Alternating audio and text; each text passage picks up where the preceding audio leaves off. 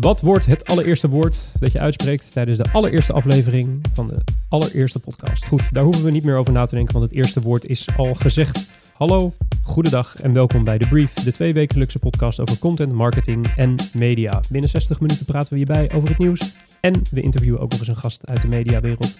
Makkelijk, snel en overzichtelijk. Dat is The Brief. Mijn naam is Mark Scholes.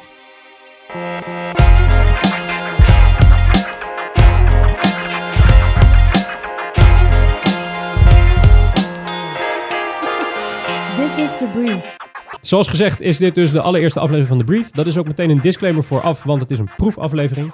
Dat betekent dat er dingen uit de lucht kunnen vallen, dat er mensen kunnen sterven onderweg, dat je mensen hoort wiebelen op een bureaustoel. Uh, allemaal hartstikke spannend. Ehm, de opzet van de brief is eigenlijk super simpel. Uh, we interviewen een gast en we doen een beetje nieuws bespreken. En dat doe ik niet alleen, want dat doe ik met mijn co-host Frank Goren. Hallo, goedendag. En in dit geval onze gast Slaven Mandic. Hey Mark. Kijk eens wat een timing. Uh, maar eerst gaan we naar het nieuws, de belangrijkste nieuwsverhalen van de afgelopen twee weken. En nu komt er een pumpertje, heel professioneel.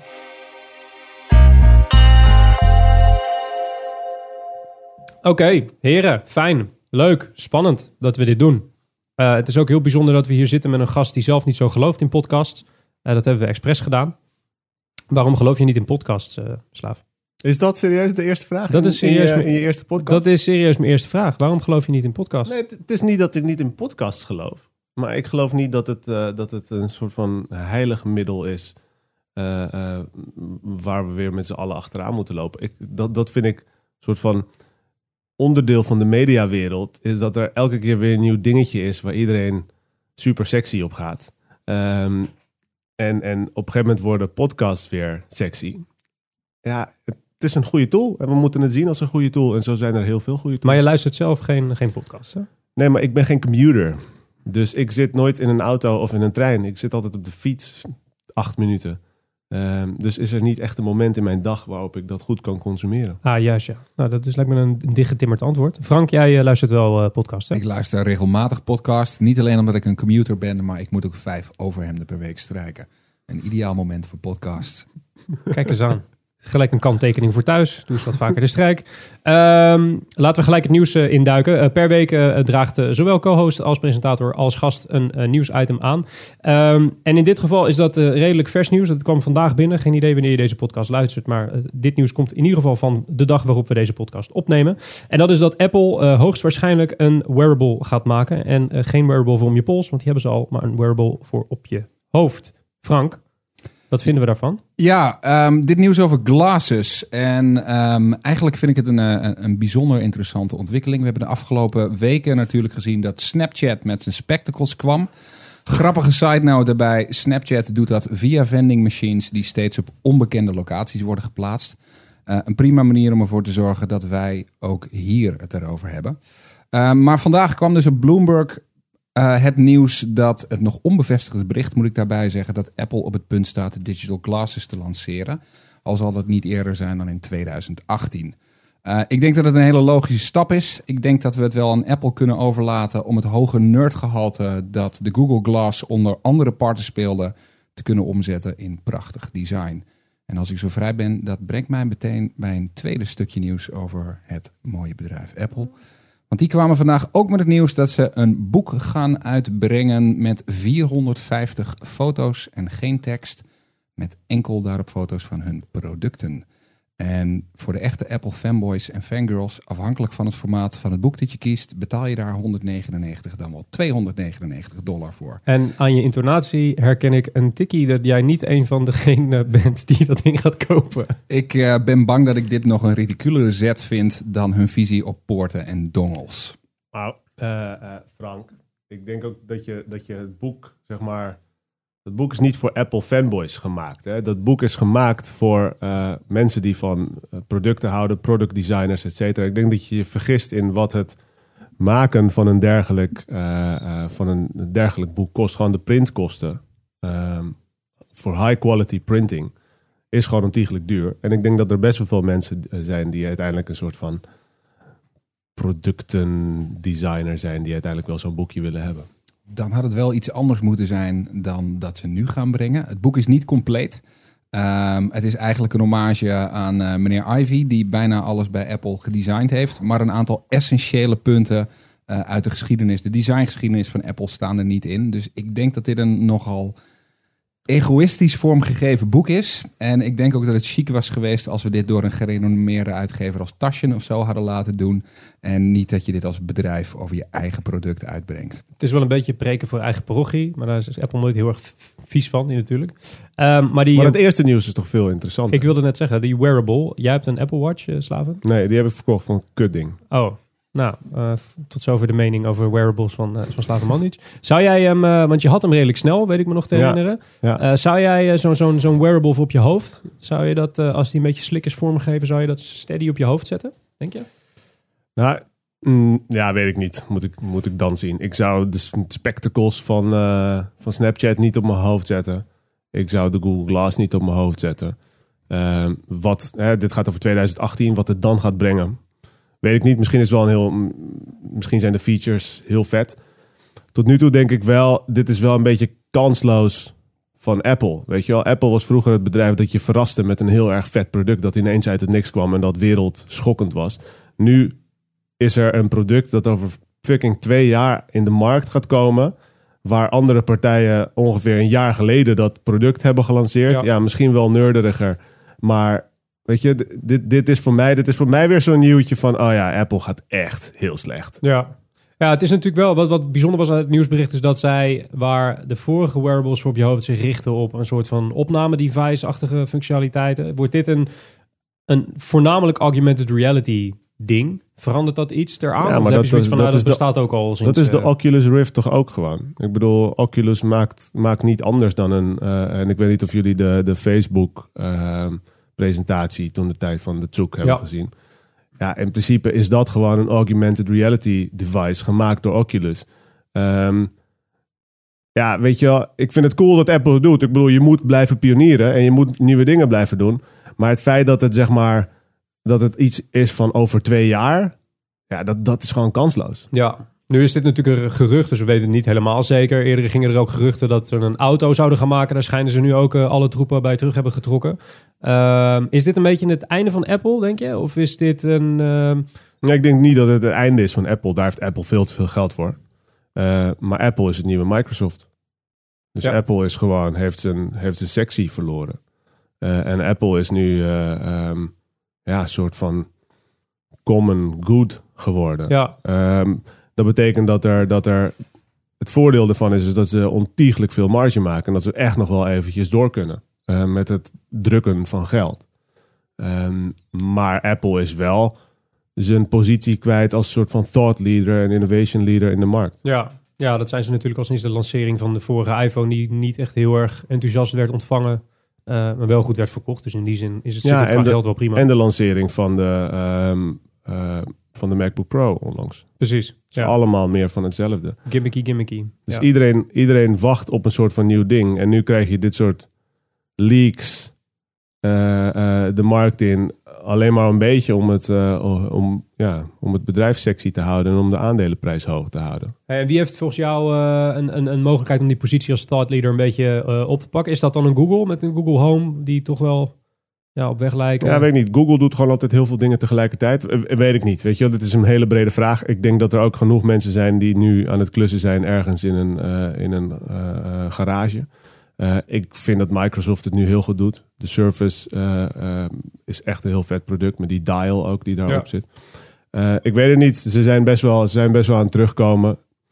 Wie het echt gaat overnemen, I don't know. Er moet ook een soort van shift komen in, in, in de media-tech-wereld. Weet je wel? Die is er eigenlijk niet echt geweest sinds de smartphone.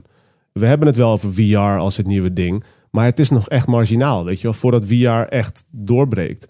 Um, ja. Gaat er nog, weet je, gaat nog gewoon heel veel gebeuren. En daar gaat een nieuw bedrijf tussen zitten. En heb je het, uh, een shift zie je dan meer in een, in een productlancering?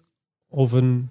Bedoel, Nou, VR het- is een het- toepassing die bestaat. Er is alleen nog niemand geweest die een, een fatsoenlijk product kan bedenken dat het een beetje gangbaar maakt. Exact, nou dat. Dus de, de iPhone, wat is de iPhone van de VR? Ja.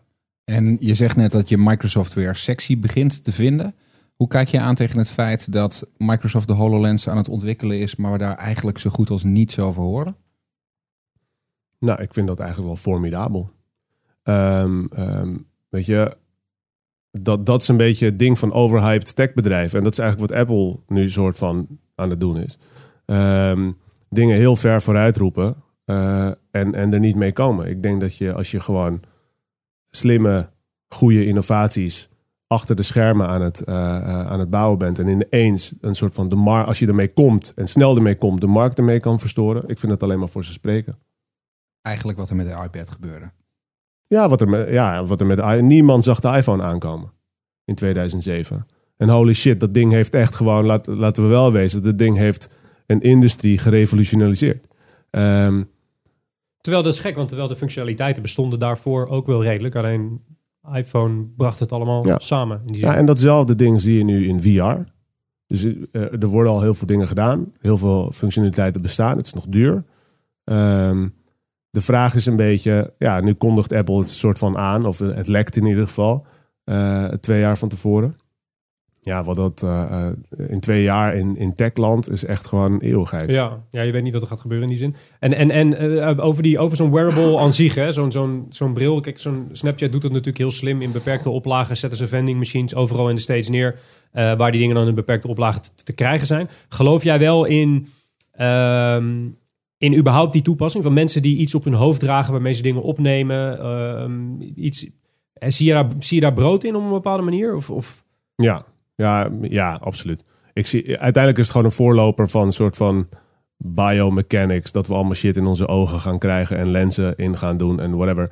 Daar zijn we gewoon nog niet. Ehm, maar daar is dit de voorloper van. We zijn nu de technologie aan het ontwikkelen die, ehm, die augmented en virtual reality echt mogelijk maakt. Ja, Eh, en daar was Google een soort van voorloper in. Ehm, ehm, ja, dus ik, ik geloof er zeker in. Ik, ik denk alleen niet dat je. Eh, daarom heb ik mijn Apple Watch verkocht. Om er zijn gewoon geen toepassingen voor. Er zijn gewoon geen logische toepassingen voor. Ehm, en dat, dat zal een beetje de vraag zijn. Zo'n ding gaat pas de mainstream, zo'n VR of een augmented reality bril gaat pas echt de mainstream bereiken. Als er echt gewoon logische, bruikbare toepassingen voor zijn. En als het niet een gimmick is.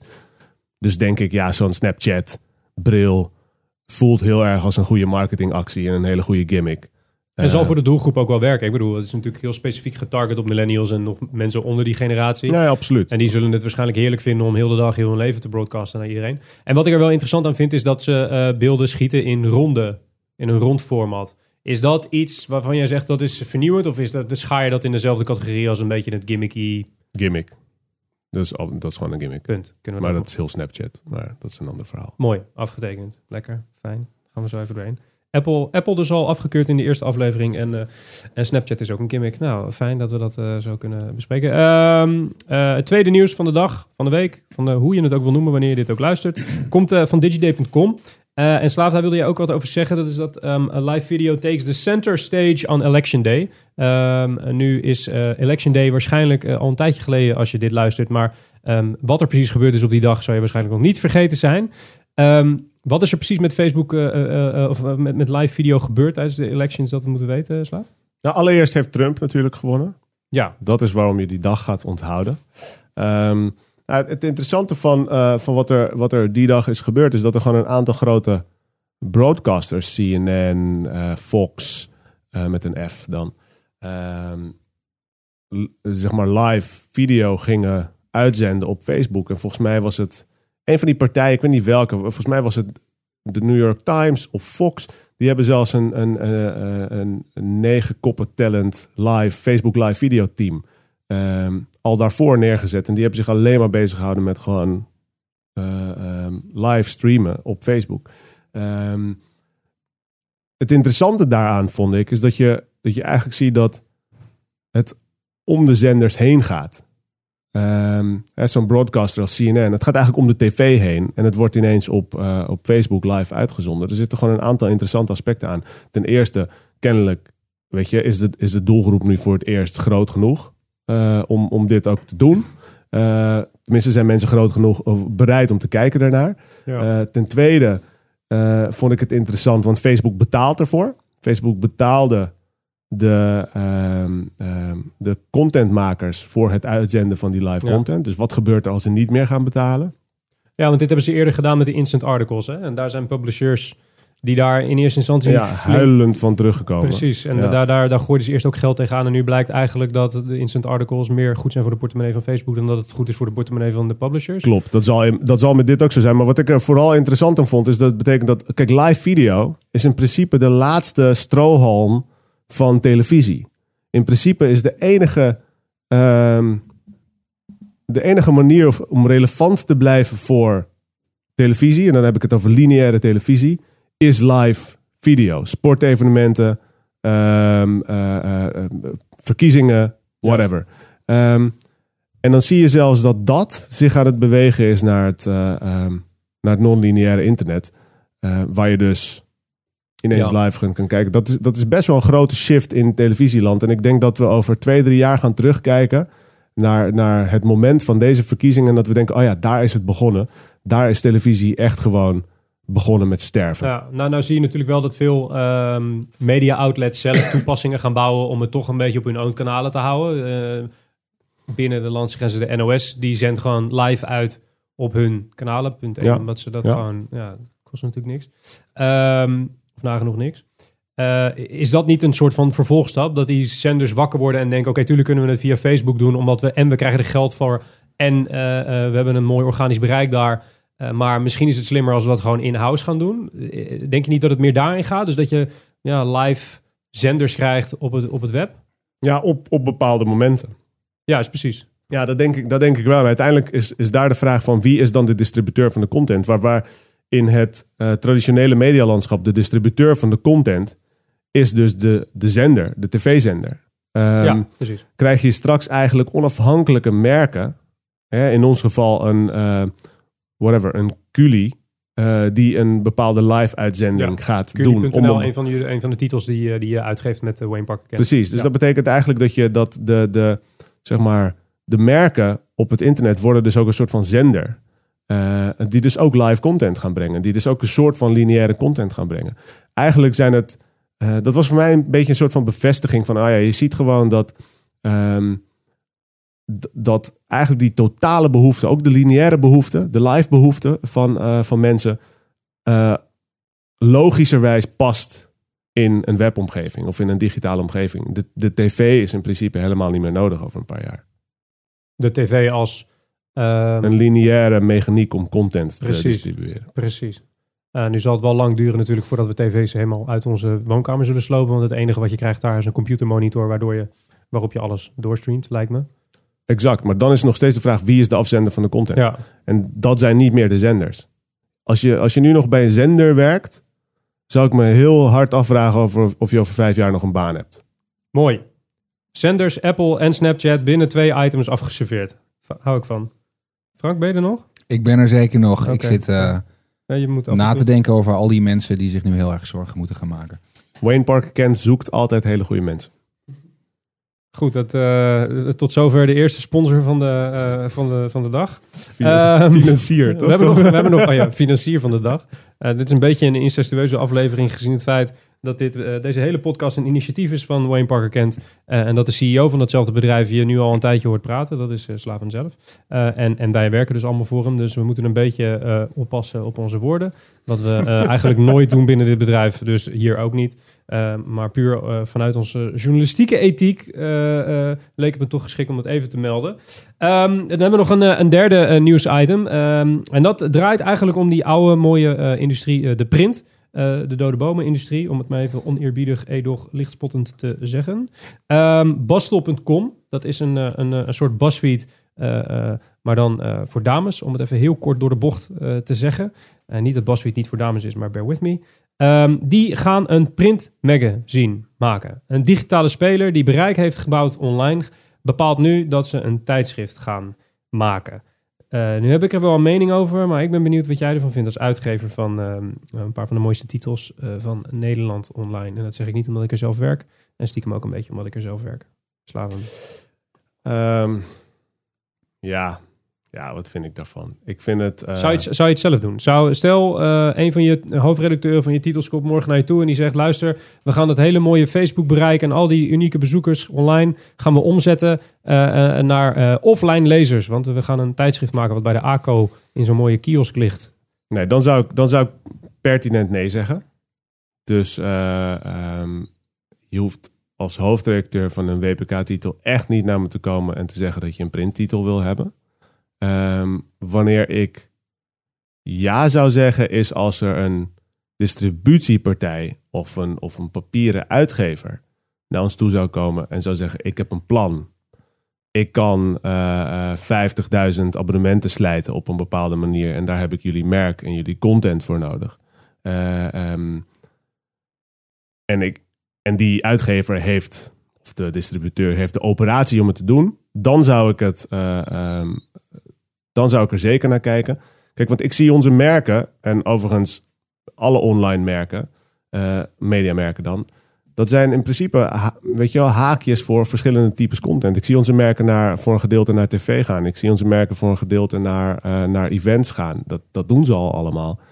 Dus die lijn doortrekken zou je ook zeggen dat ze naar print zouden kunnen gaan. Het enige probleem van print is dat niemand het meer wil kopen. Eh, ehm, De consument bedoel je? de consument. Dus het, je gaat je bewegen in een, eh, in, een, in een sterk dalende markt, zowel qua advertising als qua oplagen. Ehm, dan moet dat, je is, wel. dat is dus niet wat, eh, sorry ik onderbreek, maar dat is niet wat meneer Brian Goldberg, wiens naam ik niet uit mijn hoofd ken, maar hier op een blaadje heb staan, dat is de oprichter van Basel, die zegt er zijn nog heel veel adver- advertising dollars trapped in print. Eh, komt dat omdat hij in een ja, Engelstalige maar trapped is zit? toch het goede woord. Trapped betekent dat ze zich langzaamaan loswurmen. Snap je? Dus dat is een kansloze, dat is een kansloze uitspraak van meneer Goldberg. Ehm, Dus je denkt dat hij gewoon even snel een op ik kort- denk op dat hij gewoon een mooi plan, ergens een distributieplan heeft. En dat hij, dat hij uit heeft gevonden hoe hij eh 50.000 losse, eh, losse items naar zijn lezers kan verstouwen. Wat prima is, want ook daarin zit dus omzet. Ehm, maar ga me nou niet vertellen dat je dit op de long run een slim idee vindt. Lees jij nog tijdschriften, Frank? Nee. Lees je nog iets anders, behalve boeken? Boeken. Boeken, dat zijn die, de, de wat dikkere versie van En die tijdschriften. lees ik wel in de geprinte variant. Ik ben een van de weinige mensen die niet met een Kobo Glow rondloopt. Ik lees gewoon een papieren Waarom, waarom, boek. geen, waarom geen e-books, om even een dwaalspoor eh, op te gaan? Ehm, een aantal redenen. Ik, het zal vast een, een vorm van nostalgie zijn om in een boek te kunnen, te kunnen scheuren, vouwen. Eh, ik gebruik mijn boeken zoals ik mijn boeken... eh, als, als het op is, dan zie je ook dat het boek echt op en uit is. Juist, ja. En dat vind ik heel prettig. Met plakkende bladzijden aan elkaar en dergelijke. En- Ehm, En, wellicht, en wellicht zit er een... eh, Zit er een iets statusgevoeligere kant in? Want ik ben zo iemand die graag een indrukwekkende boekenkast heeft staan. ah, juist, ja. Wat is, wat is oh, om maar even een tip te geven aan onze lieve luisteraars thuis. Wat is een van de beste boeken die je de afgelopen tijd hebt gelezen? En dan schrijven mensen dat thuis op. En dan kunnen ze dat lezen in onze show notes. Die te vinden zijn op www.wayneparkerkent.com podcast. Iedereen moet lezen is de Personal MBA. Eh, mijn laatste vakantie. Normaal gesproken lees ik op vakanties geen werkgerelateerde boeken. Ik had dit boek toevallig mee en las hem in één reuk uit. Eh, en ieder met een eh, enigszins commerciële functie in welke industrie dan ook moet de Personal MBA lezen. Het boek is vrij eh, pretentieus opgesteld, vrij Amerikaans. Eh, het pretendeert om eh, in één boek een volledige MBA overbodig te maken. Eh, dat doet het vast niet, maar eh, het komt een heel eind in de goede richting. Cool. Klinkt, eh, Klinkt, klinkt als een tip, Frank. klinkt intrigerend. Klinkt als een tip. Gaan we zetten in de show notes. Want we zijn een echte een podcast, dus we hebben ook show notes. Op www.wayneparkerkent.com slash podcast, Frank, hebben we dat. www.wayneparkerkent.com slash podcast. Precies. En Podcast, en hoe je die gaan nog eh, groot En worden. hoe je het spelt, zoek jezelf maar uit. Eh, nou, we, we, we, we swingen er doorheen.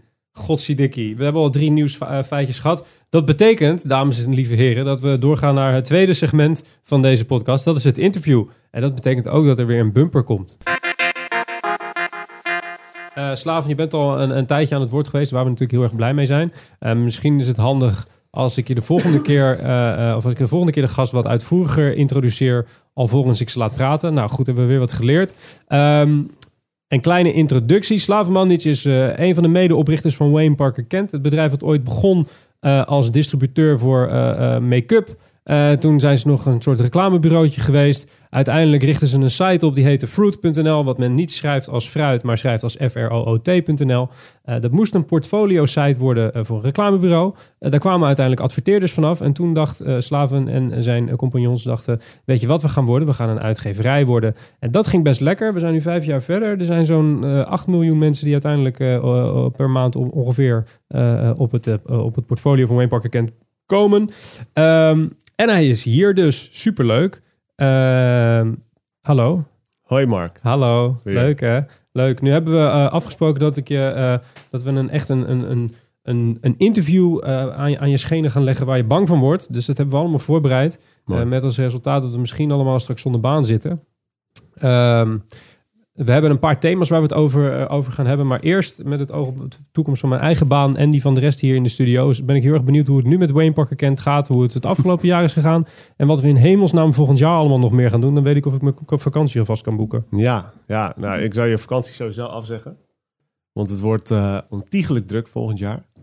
Ehm, Wayne Parker Kent bevindt zich eigenlijk in, een, in het middelpunt van, van een soort van wervelstorm die de mediawereld nu is. Wat je eigenlijk ziet gebeuren is dat er ehm, best wel een aantal dingen aan het bij elkaar komen zijn. Weet je, tv heeft het zwaar. Eh, eh, daarmee hebben eh, productiehuizen het zwaar, want die hebben straks geen eh, plek meer om hun content, om hun televisiecontent te distribueren.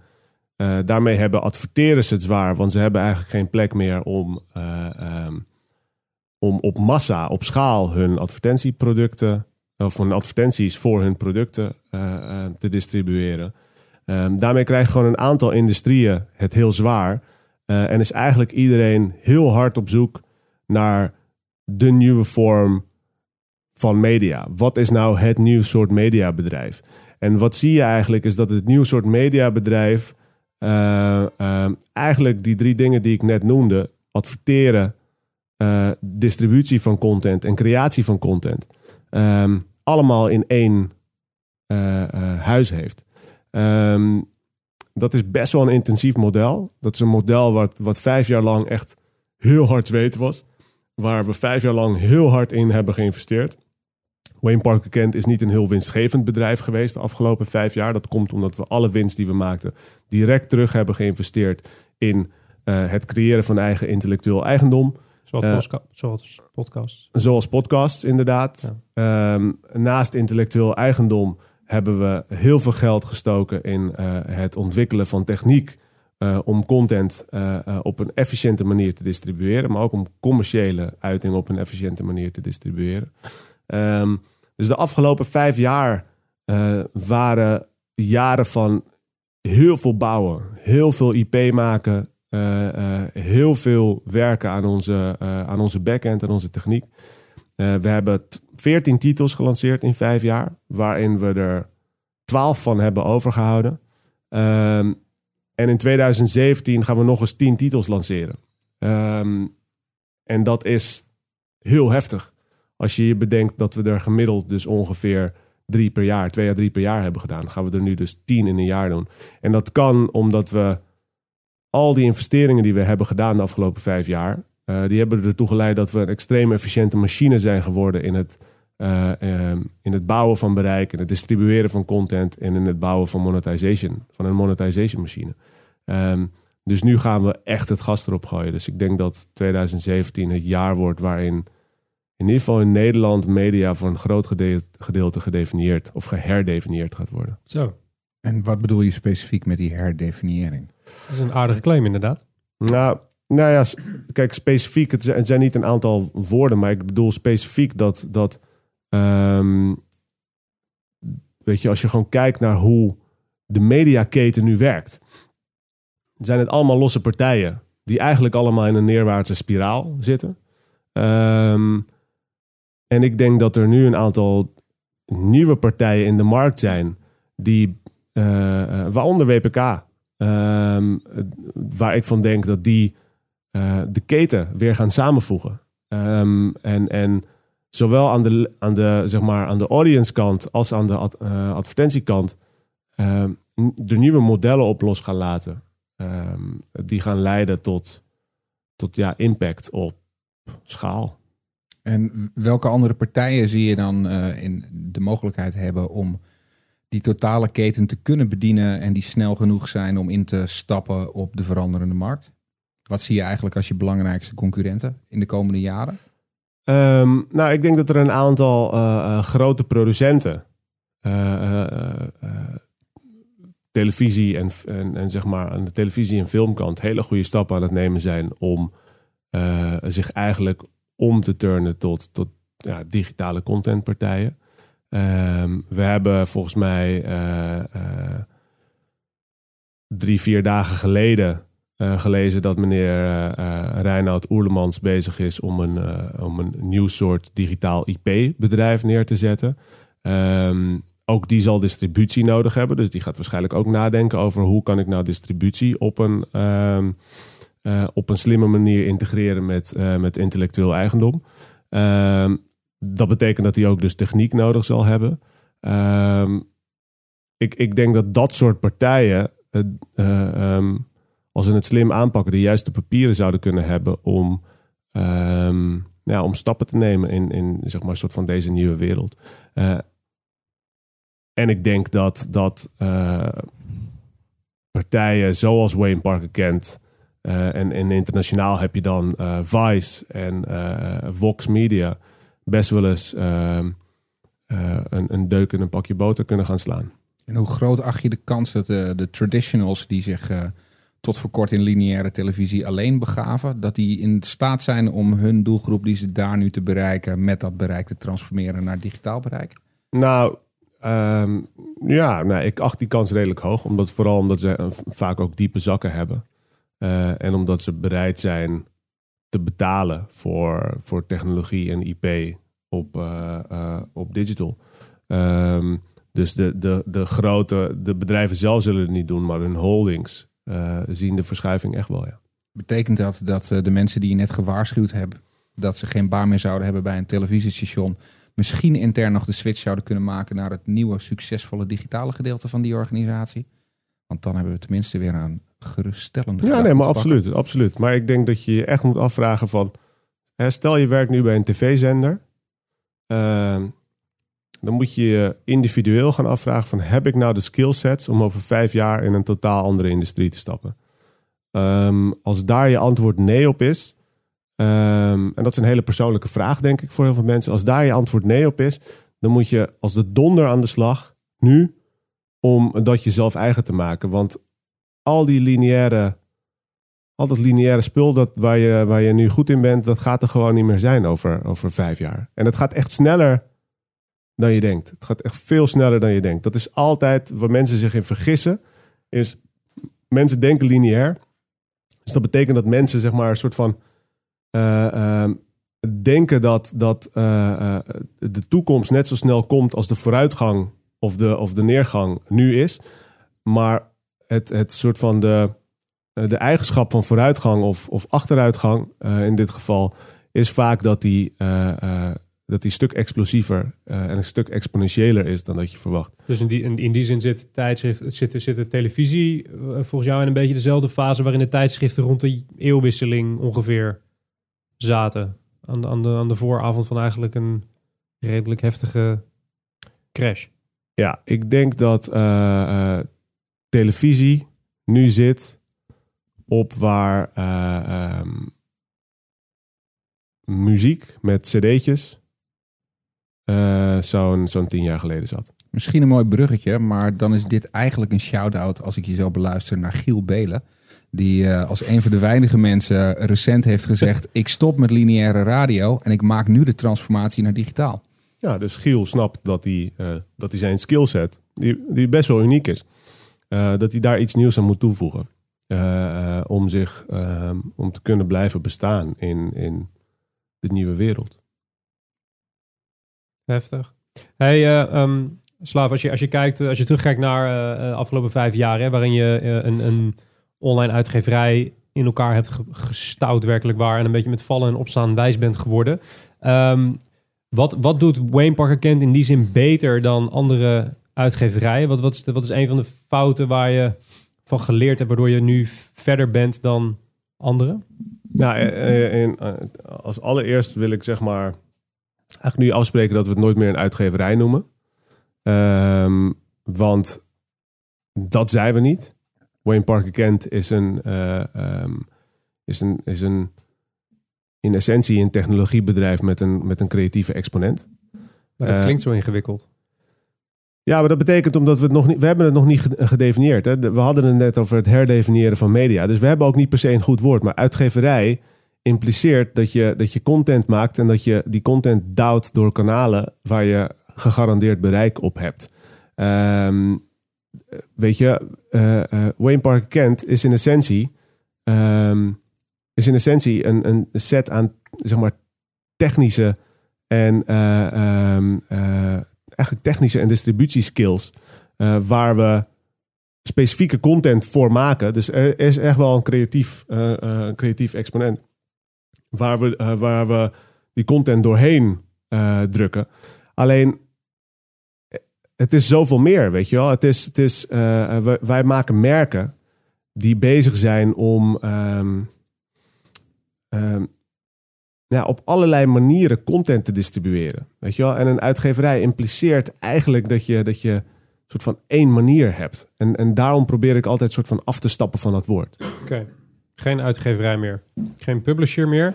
Ehm, maar wel, en dat heb ik je nu een aantal keer in de gangen in het mooie gebouw wat we hier hebben aan de Herengracht horen roepen. Brand Mechanics.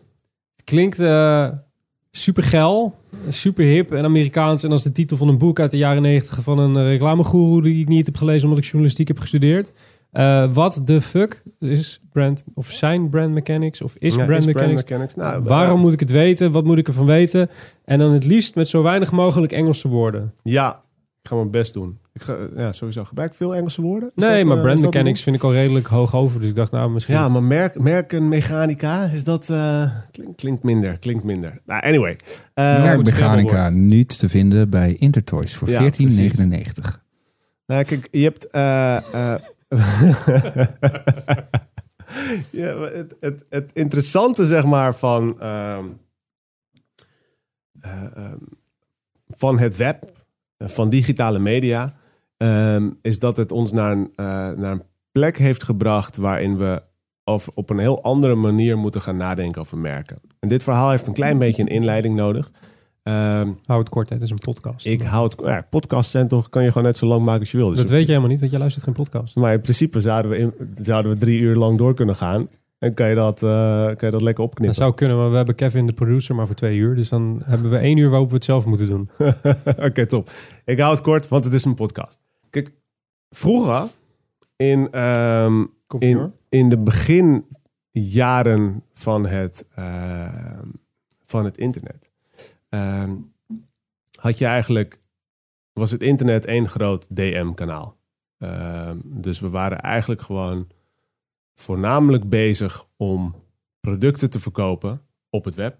En als je je merk ging bouwen, dan deed je dat op tv, in print of in radio of wherever.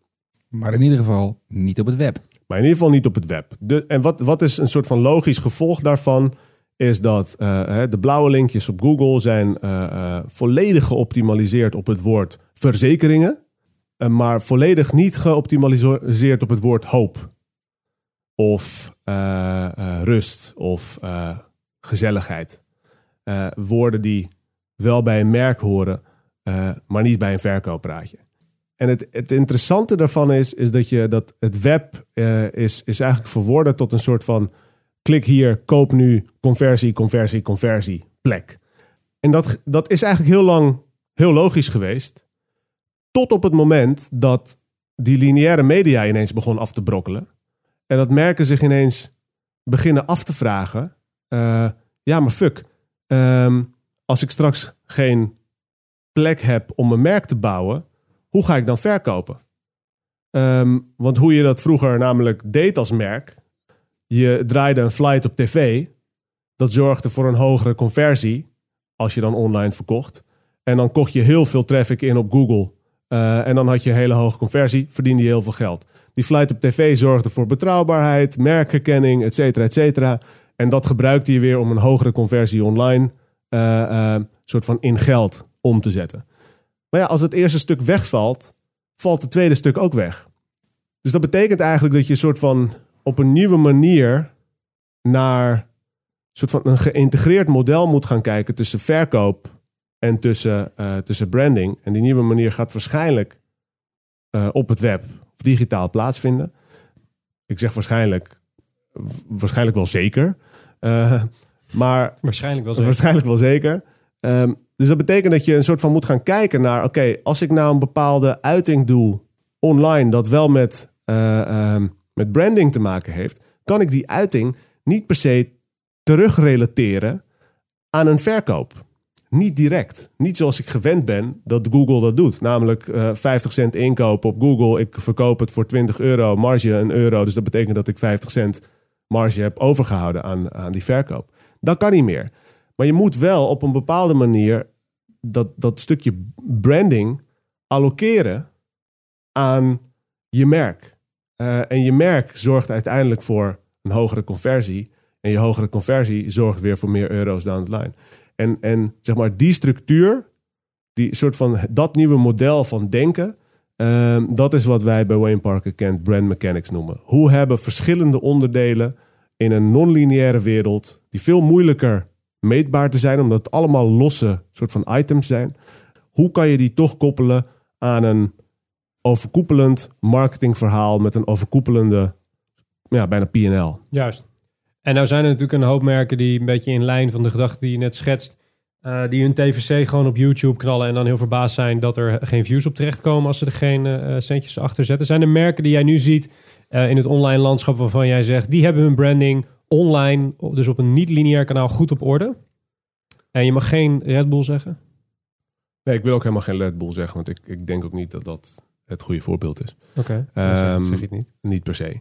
Ehm, nou, ik ik, weet je, ik denk dat er een aantal mensen, eh, of een aantal merken best wel, best wel eh, ehm, eh, de juiste dingen aan het doen zijn. Weet je, gewoon even als je kijkt naar, volgens mij gaat, eh, gaat PON met Volkswagen volgend jaar gewoon van, eh, eh, van 25% digitale bestedingen naar 40% digitale bestedingen. Volgens mij eh, ehm, zijn, een, zijn een aantal merken in de, in de, soort van in de techsector. ehm, Samsung, die gewoon hele goede, hè, als we het hebben over Samsung, is, is hele goede stappen aan het nemen om te kijken naar, oké, hoe draagt online en hoe draagt non-lineaire media nou bij aan mijn merk? Eh, en, en zijn daar ook met onderzoek, eh, eh, zijn daar ook door middel van onderzoek, zeg maar, die stellingen aan het onderbouwen. Ehm, ik denk dat, dat we echt letterlijk, zeg maar, de afgelopen, het afgelopen jaar, max het afgelopen twee jaar, zijn gaan nadenken over hoe bouw je nou een merk online. Eh, en dat is dus eigenlijk best wel een nieuwe industrie. Daar, weet, daar weten we gewoon nog niet zo heel veel van. Nee. En Eh, vo- voorzie je dan ook dat dat probleem zich hoofdzakelijk gaat afspelen bij de low interest en bij de FMCG-producten? Want dat zijn de merken die over het algemeen gebouwd Frank? zijn. Wil je, wil je die afkorting even uitleggen? Eh, ik ga ervan uit. Nee, oké. FMCG-producten, alles wat je in het retailschap bij de Albert Heijn vindt. Eh, de tandpasta's, eh, om het maar even heel simpel te houden, de wasmiddelen, et cetera. Dat zijn de merken die over het algemeen lineair zijn opgebouwd. Eh, en waar je niet actief naartoe gaat op het web, waar je niet door je strot wordt gedouwd, maar waar je die merken Nee, ik denk zelfstandig wil opzoeken. Ik denk dat het voor, voor, voor bijna alle merken gaat. Er zijn nu, er zijn nu uitzonderlijk weinig merken die, eh, die online zijn gebouwd. Zelfs de online merken, Mhm.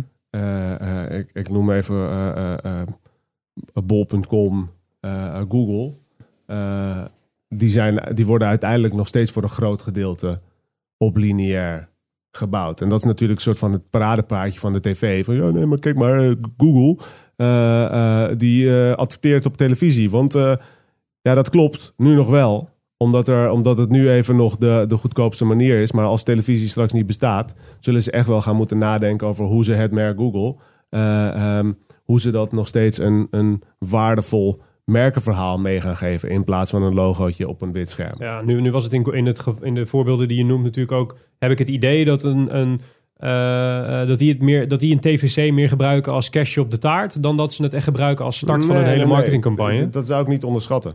Dat zou ik absoluut niet onderschatten. Een merk als Uber eh, adverteert echt knetterhard op Amerikaanse televisie. Echt knetterhard. Er worden gewoon miljarden uitgegeven.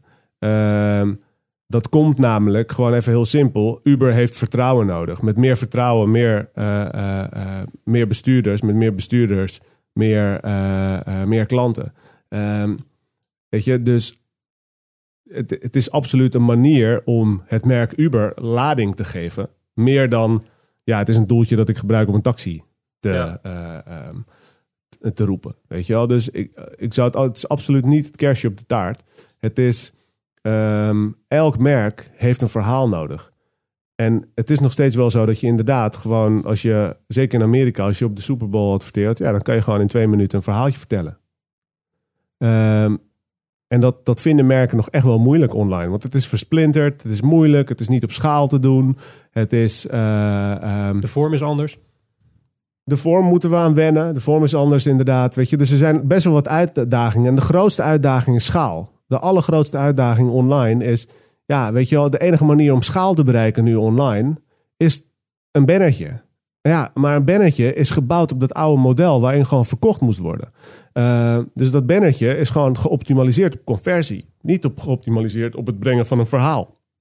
Dus ja, hoe ga je dan met je verhaal...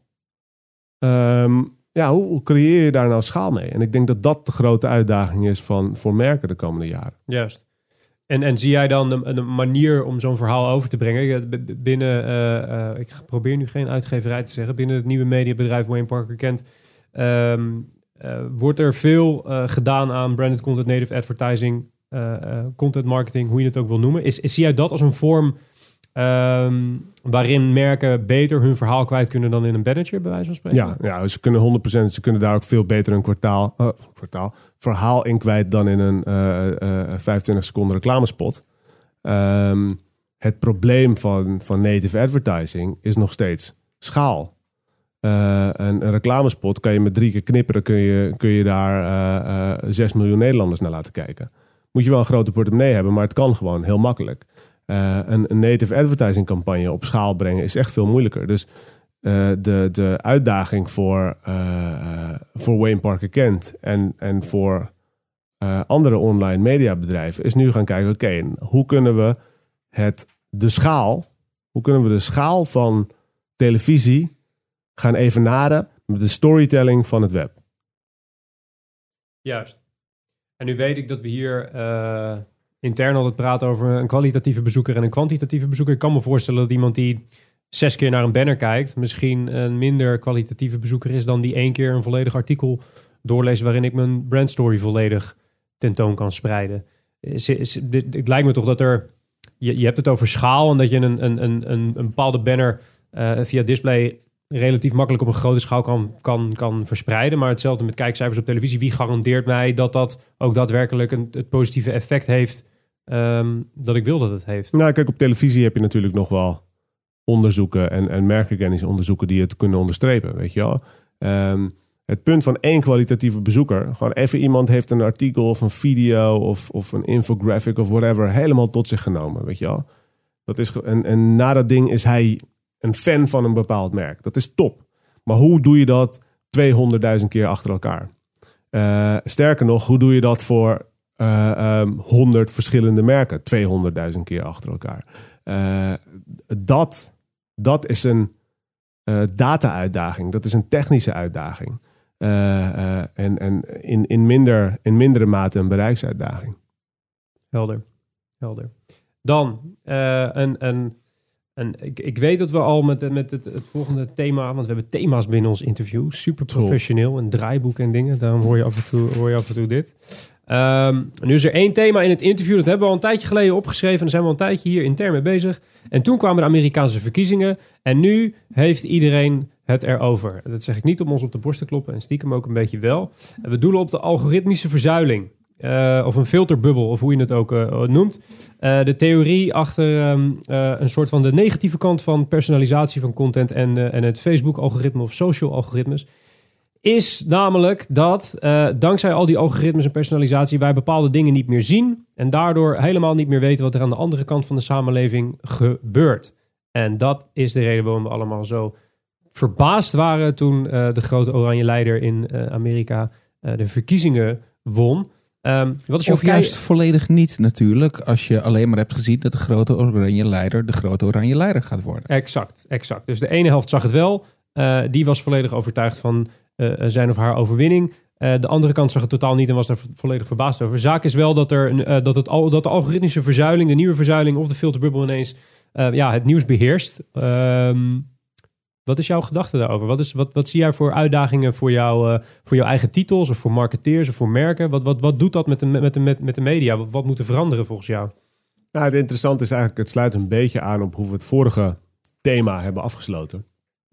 Is namelijk, kijk, die algoritmische verzuiling ontstaat door, door data en technologie.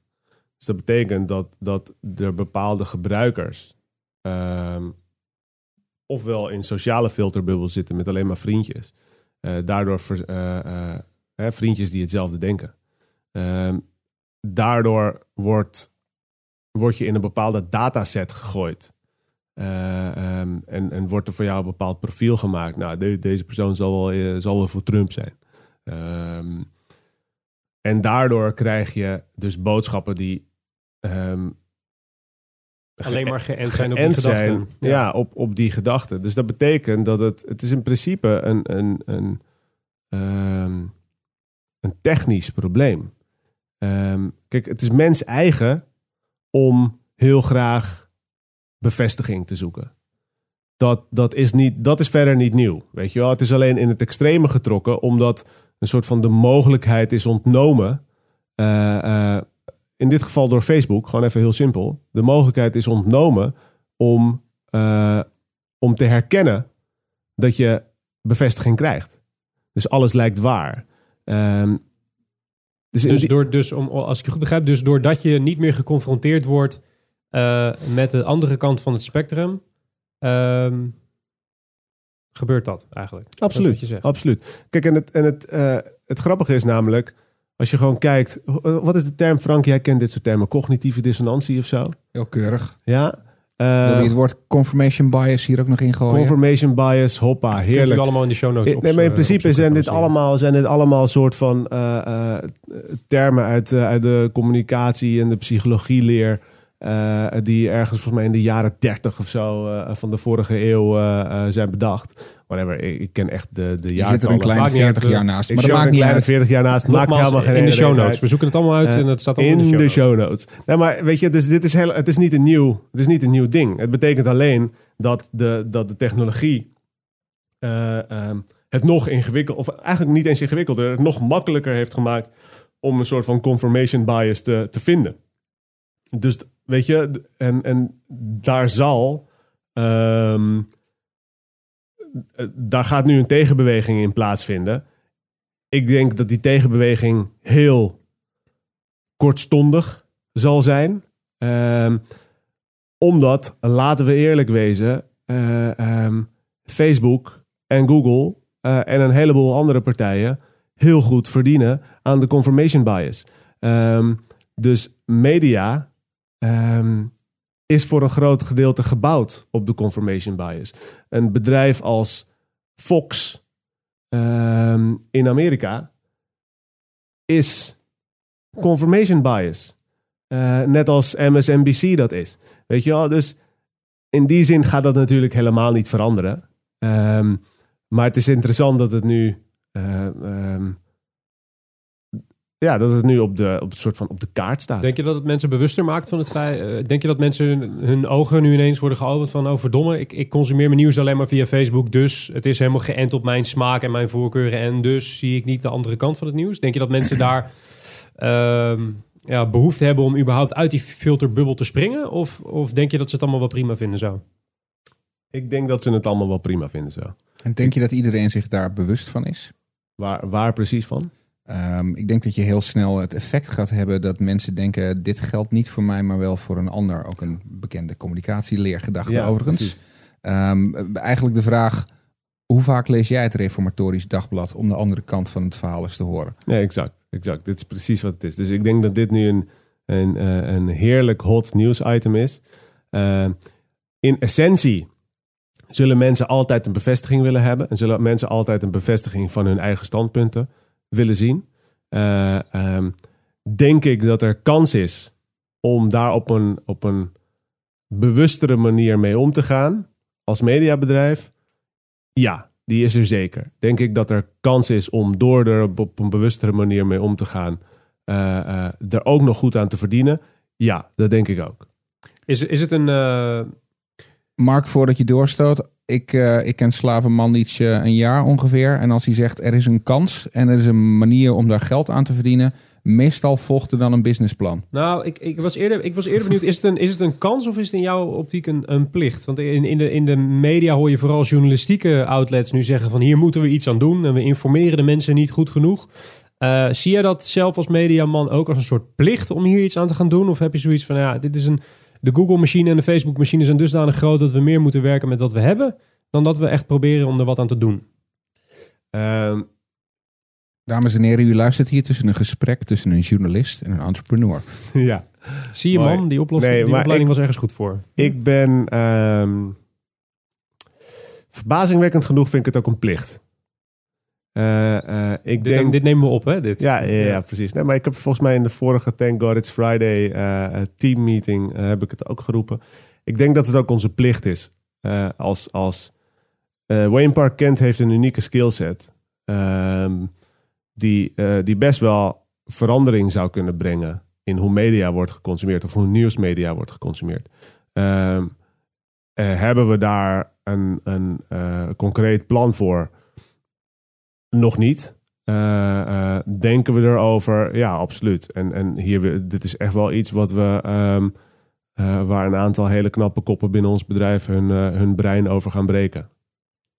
Goed, dat lijkt me een, een hele mooie noot om het officiële interview met meneer Slavenman niets meer af te sluiten. Ehm, dat betekent dat we eerst gaan luisteren aan Bumpertje. In elkaar gedraaid door de wederom fantastische Kevin. Eh, en daarna zijn we terug met onze enige rubriek van de podcast. We hebben, eh, zoals het een echte podcast betaamt, een rubriek. En die rubriek die heet eh, Slow Win, Quick Loss in het Engels. Hartstikke hip. Dit is onze enige rubriek.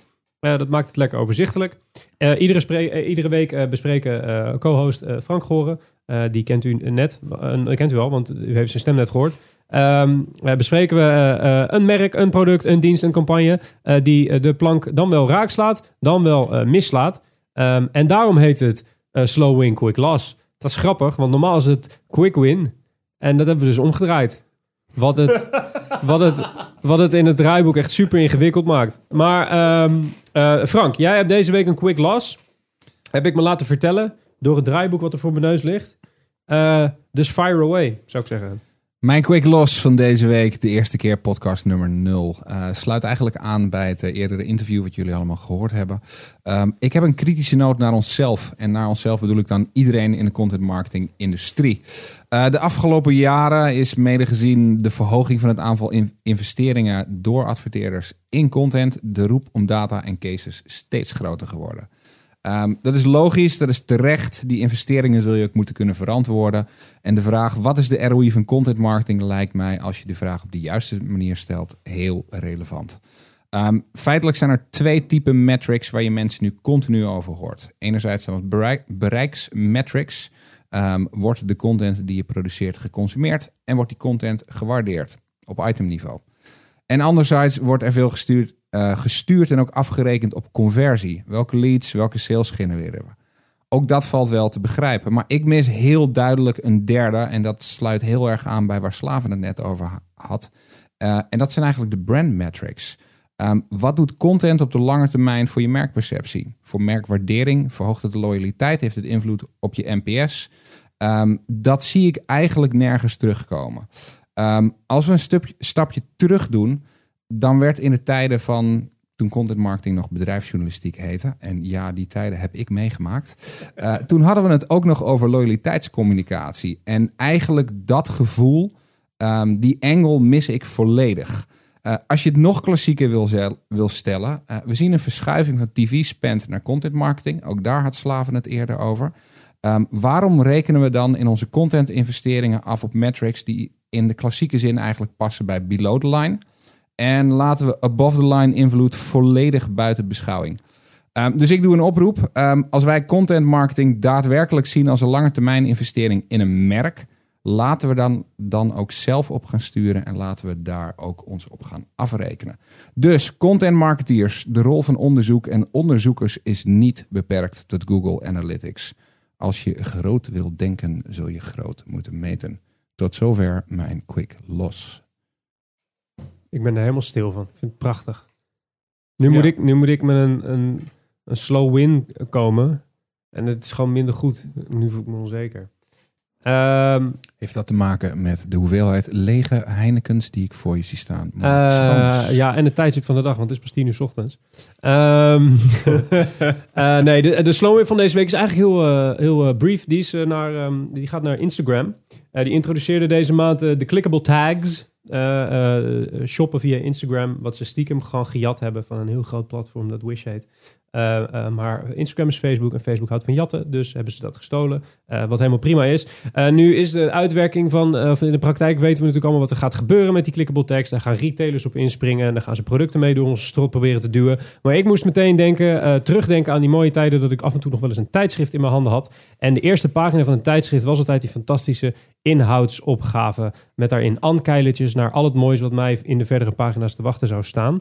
Ehm, en ik zag meteen een optie of een mogelijkheid of een, manier waarop we die clickable tags zouden kunnen gebruiken om specifieke stukjes content aan te jagen. Dus je hebt één eh, eh, Instagram foto en daar staan meerdere eh, items op en dat zijn allemaal ingangen naar specifieke stukjes content. En toen las ik wat Instagram precies wilde gaan doen met die nieuwe mooie functionaliteit. En toen zag ik dat ze een proef zijn gestart met 20 partijen. En die 20 partijen zijn allemaal retailers. Wat betekent dat mijn ehm, ja, korte, ehm, eh, eh, ja, eh, ehm, hoe zeg je dat?